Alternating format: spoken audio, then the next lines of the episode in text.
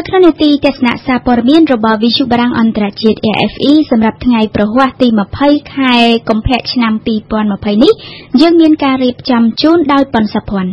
សួស្តីសុភ័ណ្ឌចាសួស្តីភារីចាសសុភ័ណ្ឌតើនៅថ្ងៃនេះកាសែតដែលបានបោះពុម្ពចេញផ្សាយក្នុងប្រទេសកម្ពុជាបានចាប់អារម្មណ៍ទៅលើប្រធានរឿងអ្វីខ្លះទៅភារីថ្ងៃនេះដូចជាមានប្រធានរឿងមួយចំនួនធំដែលកាសែតបានធ្វើការចាប់អារម្មណ៍ខុសៗគ្នា ខ្ញុំសូមផ្ដើមពីកាសែតភ្នំពេញប៉ុស្តិ៍មុនគេនៅលើទំព័រមុខរបស់កាសែតនេះចាប់អារម្មណ៍ដាក់ចំណងជើងថាលោកនាយករដ្ឋមន្ត្រីឲ្យពិនិត្យមើលលទ្ធភាពបញ្ចូលកងយុទ្ធពលខេមរៈភូមិន្ទ2000នាក់ដើម្បីជួយដោះមីនទៅតាមផែនការ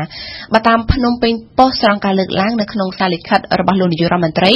ចុះថ្ងៃទី12ខែកុម្ភៈស្ដីអំពីការប្រារព្ធខួបលើកទី21នៃទិវាជាតិយល់ដឹងអំពីមីនដែលនឹងចូលមកដល់នៅថ្ងៃទី24ខែកុម្ភៈខាងមុខនេះបានឲ្យដឹងថាក្របមីនក្របបាយចង្កោម និងសំណល់ជាតិផ្ទុះសល់ពីសង្គ្រាមមិនត្រឹមតែបង្កឲ្យពលរដ្ឋធ្លាក់ខ្លួនពីការស្លាប់បាត់បង់ជីវិតនោះទេ តែថែមទាំងជាឧបសគ្គសម្រាប់ការស្ដារនិងអភិវឌ្ឍជីវភាពគ្រួសារនិងអភិវឌ្ឍជីវភាពសេដ្ឋកិច្ចជាតិផងដែរបន្ទាប់ពីនេះនៅលើចំណងជើងធំបន្ទាប់របស់ភ្នំពេញប៉ុស្តិ៍និយាយថាឆ្នាំ2019បាត់ល្មើសព្រហ្មទណ្ឌកើន8%ដោយសារតែការហូរចូលយ៉ាងគំហុកនៃជនបរទេសភ្នំពេញប៉ុស្តិ៍បានស្រង់ការលើកឡើងរបស់លោកសុខេងរដ្ឋមន្ត្រីក្រសួងមហាផ្ទៃនៅថ្ងៃពុធម្សិលមិញថាការកើនឡើងនេះបណ្ដាលឲ្យមានអ្នកស្លាប់ចំនួន221នាក់ខណៈដែលក្រមប្រឆាំងប៉ុនប៉ងបង្កភាពចលាចលនៅក្នុងសង្គមនិងរៀបចំផែនការផ្ដួលរំលំរដ្ឋាភិបាលស្របច្បាប់ចំណែកក្រុមហ៊ុន H&M កំពុងតែវាតម្លៃអំពីផលប៉ះពាល់ខណៈដែលសហព័ន្ធនយោជកនិងសមាគមពាណិជ្ជកម្មកម្ពុជា បានសម្ដែងការខកចិត្តចំពោះសេចក្តីសម្រេចរបស់គណៈកម្មការអឺរ៉ុបកាលពីថ្ងៃទី12កុម្ភៈអំពីការកាត់ផ្នែកខ្លះនៃប្រព័ន្ធអនុគ្រោះពន្ធក៏ត្រូវបានភ្នំពេញប៉ុស្តិ៍ធ្វើការចាប់អារម្មណ៍ផងដែរនិងចុងក្រោយនៅលើទំព័រមុខរបស់ភ្នំពេញប៉ុស្តិ៍គឺរឿងក្រសួងកសិកម្មប្រកាសឲ្យក្រុមហ៊ុននាំចេញអង្គដាក់ពាក្យត្រួតពិនិត្យមកអគ្គនាយកដ្ឋានកសិកម្មភារី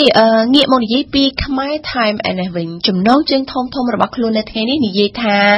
ជនជាតិខ្មែរតិចជាងមុនដែលបានជ្រើសរើសទៅធ្វើការងារនៅបរទេសភ្ជាប់ជាមួយនៅរូបភាពកម្មករចំណាក់ស្រុកមួយសន្លឹកធំខ្មែរថាមបាននិយាយថាចំនួនពលករដែលត្រូវបញ្ជូនទៅធ្វើការងារនៅបរទេសបានធ្លាក់ចុះ80%និងរឿងមិនមានបញ្ហាអ្វីទេប្រសិនបើ EBA បន្ថយកំណើនសេដ្ឋកិច្ចពីព្រោះការបង់ពន្ធលើការនាំចេញនឹងមិនប៉ះពាល់ខ្លាំងដល់សេដ្ឋកិច្ចរបស់កម្ពុជានោះទេនេះបើតាមខ្មែរ Time ចំណែកឯរស្មីកម្ពុជាចំណងជើងធំធំរបស់ខ្លួននិយាយពីរឿងលោកសុកខេងឲ្យស៊ើបអង្កេតករណីទារកអាយុ5ខែស្លាប់នៅក្នុងពន្ធនាគារគឺជាទារិកាដែលអាយុ5ខែរស់នៅជាមួយនឹងម្ដាយនៅឯមណ្ឌលអប់រំកែប្រែទី2កាលពីថ្ងៃទី26ខែមករាដែលបានស្លាប់ដោយជំងឺរលាកសួតធ្ងន់ធ្ងរកម្ពុជាថ្មីវិញភារីចំណងជើងធំរបស់ខ្លួននៅថ្ងៃនេះនិយាយអំពីក្រសួងកសិកម្មចេញវិធានការទប់ស្កាត់ជំងឺផ្ដាសាយបាក់សីបន្ទាប់ពីជំងឺនេះកំពុងតែផ្ទុះខ្លាំងនៅវៀតណាមក្រសួងកសិកម្មបានឲ្យដឹងថាផ្អែកតាមព័ត៌មានរបស់ប្រទេសវៀតណាមកាលពីថ្ងៃទី17ខែកុម្ភៈនៅឯខេត្តត្រវិញភៀកខាងត្បូងមានការផ្ទុះជំងឺផ្ដាសាយបាក់សីបង្កឡើងដោយវីរុសប្រភេទ A H5N1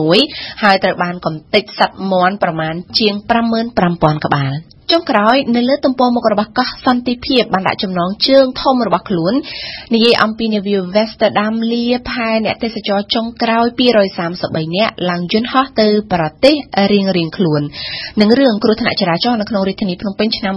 2019ធ្ងន់ធ្ងរមែនទែនខណៈពេញមួយឆ្នាំ2019គ្រោះថ្នាក់ចរាចរណ៍បានកើតមាន1608លើកកើន